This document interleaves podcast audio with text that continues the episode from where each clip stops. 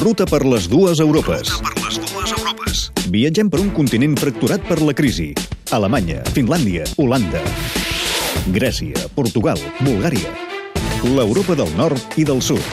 Quan falten pocs dies per les eleccions europees, Cèlia Cernades i Sergi Roca ens expliquen què hi passa. Avui, Finlàndia i Bulgària. Welcome to Sofia, ladies and gentlemen. Bulgària, Sofia, ja fa set anys que és a la Unió Europea, però se la continua considerant la perifèria de la perifèria.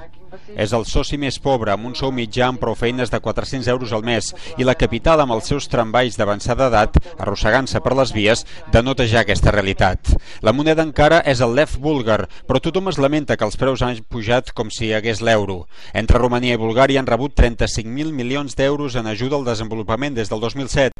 Milena Nedeva és la cofundadora de l'ONG Links, lluita a favor de la transparència i la democràcia. Assegura que els búlgars confien en Europa. Bulgarian people believe La gent de Bulgària creu més en les institucions europees que en les seves pròpies institucions. De forma correcta o errònia, no ho sé, creiem que les institucions europees són menys corruptes que les nostres i esperem que acabin intervenint quan les nostres facin coses increïblement estúpides. A Bulgària les eleccions europees seran en clau interna, pocs mesos després de les fortes protestes socials, primer per la pujada de rebut de la llum i després per mostres de clientelisme del govern. Fins i tot l'accés a les millors escoles escoles públiques està supeditada a suborns. Demà, quan es faci la preinscripció, aquestes mares que repassen una llista portaran ja 48 hores davant el col·legi. Per si més no, intentar tenir més opcions. És el cas de la Dalina. Tenim un parell de persones que van arribar ahir aviat al matí. Tenim 23 persones apuntades ara mateix. Hi ha 96 places i calculem que aproximadament hi acabarà havent 200 persones aquí.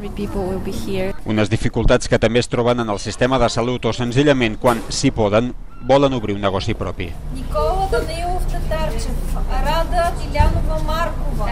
Hyvät naiset ja herrat, tervetuloa Helsinkiin.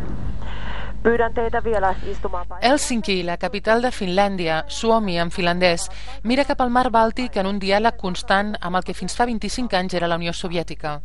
Aquest país de clima extrem, hivern fosc i natura verge pertany al privilegiat club dels nòrdics. Economies fortes, institucions transparents, educació i sanitat públiques de qualitat. Un oasi fins que va arribar el desastre, el trauma nacional, el col·lapse de Nokia, l'empresa insígnia de Finlàndia, la seva imatge davant el món. Així ens ho explica Jussi Pakasvirta, vicedegà de la Facultat de Ciències Socials de la Universitat d'Helsinki. Nokia va ser la principal marca finlandesa durant més d'una dècada.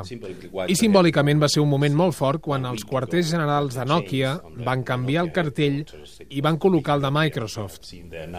Per mi això simbolitza de forma contundent el que li ha passat a aquest país. country. Finlàndia està vivint la recessió més llarga de la seva història. 8% d'atur, insòlid, població envellida... És l'únic país nòrdic que pertany a la zona euro i la crisi ha castigat les seves exportacions. I així van irrompre el 2011 els veritables finlandesos, un partit euroscèptic i xenòfob que són la tercera força del Parlament i que aspira un 20% de vot en aquestes eleccions europees. Liokko, bibliotecària, 60 anys, no els vota, però explica així el perquè del seu ascens.